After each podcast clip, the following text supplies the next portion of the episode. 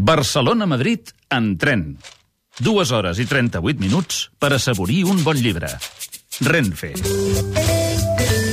Màrio Serra, molt bon dia. Bon dia i bona hora, Manel. Llegit de 3 L, rellegit de 4 L's i un fullejat. Sí, senyor, comencem el llegit amb una il·lustració musical que et sorprendrà. Miguel Bosé. Aqua Chiara. Sí, senyor, Aqua Chiara, eh, diguem, eh, explotant la seva vena italiana. Això és per il·lustrar amb l'aigua al coll. És l'última novel·la d'Andrea Camilleri, l'autor del mític eh, El pare de Montalbano, però a quatre mans, amb Carlo Lucarelli.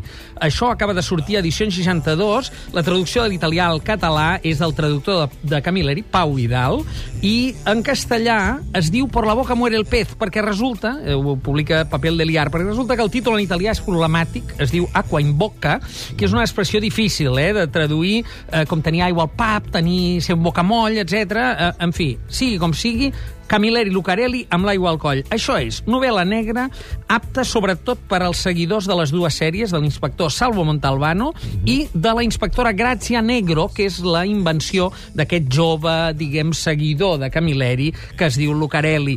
Aquí hi ha un homicidi amb uns peixos de colors, ho investiga la inspectora, i de sobte, com que veu que la víctima, eh, la inspectora és a Bologna i la víctima és de Vigata, diu, trucaré o em posaré en contacte amb en Montalbano. A partir d'aquí, un pim-pam eh, que eh, sobretot gaudiran els seguidors de les dues sèries, com et deia, temps de lectura aproximada, 50 minuts. Tenim amb nosaltres a Pau Vidal. Pau Vidal, molt bon dia. Hola, bon dia. Tu vas passar bé traduint, tu?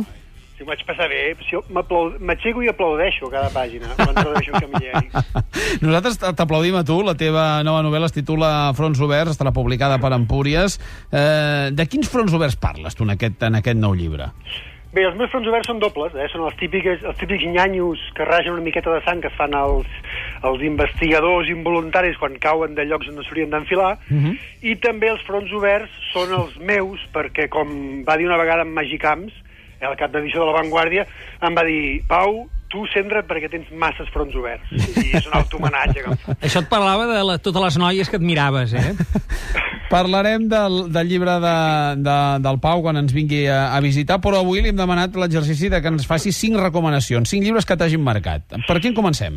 Home, doncs mira, si em permeteu, aprofitant la circumstància, eh, començaria per, per, no per un, sinó per qualsevol dels camilleris que tenim a disposició. Molt bé. Perquè en realitat és un autor tan prolífic que en té una, ell en té una quarantena. Uh -huh. eh, aquí n'han arribat una, bueno, 25, de fet, Uh, I en realitat qualsevol, perquè la gràcia d'aquest autor, i és per això que jo me l'estimo tant, és que té un personatge més que els altres, en permís del Màrius, perquè ell fa del llenguatge realment un personatge més, no només una cosa, diguéssim, eh, de joc, sinó fins i tot amb conseqüències narratives, no? Molt tot bé. el joc de dialectes i tal. Ja que aquesta és la primera tria, quedem-nos amb l'aigua al coll, que és el llibre que ens proposava el Màrius, que quins mots claus li otorgues? Misteri, enigma, deducció, però també Itàlia, i una mica, una mica, Agatha Christie, perquè és molt d'enigma aquesta novel·la de quatre mans. Abans de les notícies de les 11, Pau, una segona opció?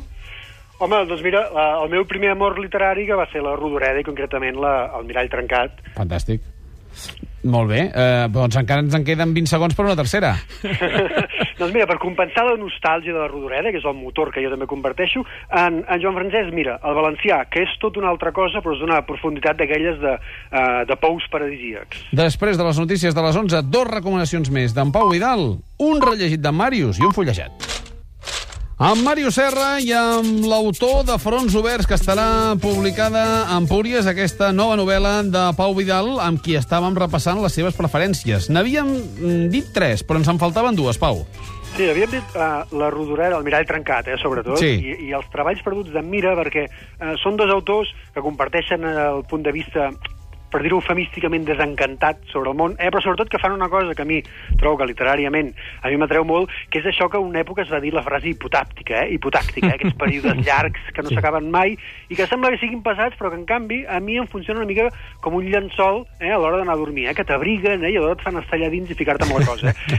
I, el, I els treballs perduts realment, eh, perdona, de, de Mira, és una reescriptura de l'Ulisses de Joyce, però prenent la ciutat de València com a territori, és espectacular, eh? Mm. Sí, i curiosament, a més a més, eh, té molta conya, encara em mires un autor, per dir-ho així, seriós, transcendent fins i tot, Mhm. però aquest llibre té molta conya i per això entronca amb aquesta altra pota que, eh, que ara us anava a dir, que és la literatura anglesa eh, irònico-universitària, eh? per exemple, que representa Tom Sharp, o fins i tot, en certa manera, Nick Horby, encara que no és universitària, Sí. eh?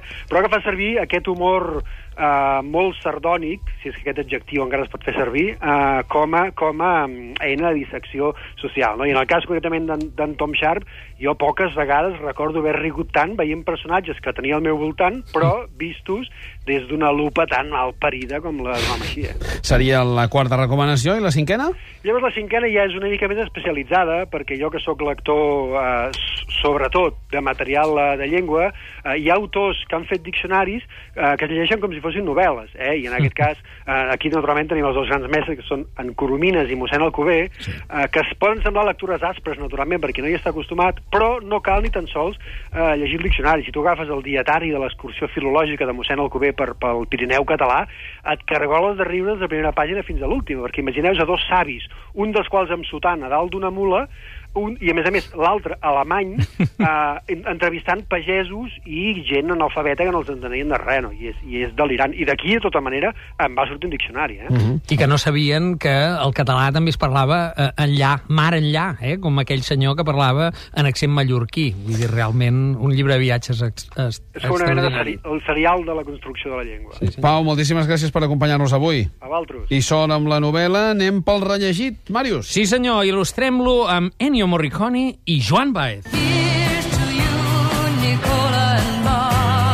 Una exnòvia de Steve Jobs.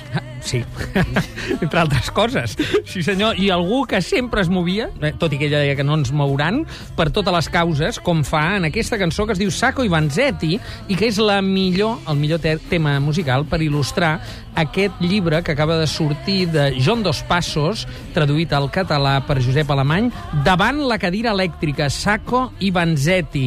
Això ho ha publicat a Des i Ara i és un apassionant document periodístic, eh, un reportatge d'àmplia volada, escrit l'any 21, quan aquests dos anarquistes italians, Sacco i Vanzetti, estaven a punt d'anar a la cadira elèctrica, quan era flagrant que eren acusats d'uns fets que ells no havien protagonitzat, uns, uns fets violents. No? Eh, aquí Dos Passos s'involucra d'una manera molt eh, important. Eh, sobta veure la claredat amb la qual desbrossa tot un marasme judicial eh, que sempre és complex i es veu com aquí al darrere són jutjats per raons ideològiques i no pas per als fets. L'autor de Manhattan Transfer eh, acaba aquest reportatge amb una frase que posa avui en dia els pèls de punta. Diu, si moren, la poca fe que milions de persones d'aquest país tenen en la justícia morirà amb ells. Salvem Sacco i Vanzetti. Doncs bé, els van fregir a la cadira elèctrica, van morir d'això fa 90 anys. ara. Mots now. Justícia, anarquisme, anticomunisme, manipulació i desencís. Si t'equivoques, et diuen pobre. Sona no apta, d'adversaris. Sí, senyor, aquests eh, rapers eh, catalans eh, de caire més aviat contracultural serveixen per il·lustrar un llibre important i que serà difícil, diguem, que trobi un cert ressò als mitjans de comunicació actuals. La transició en quadernos de Ruedo Ibérico.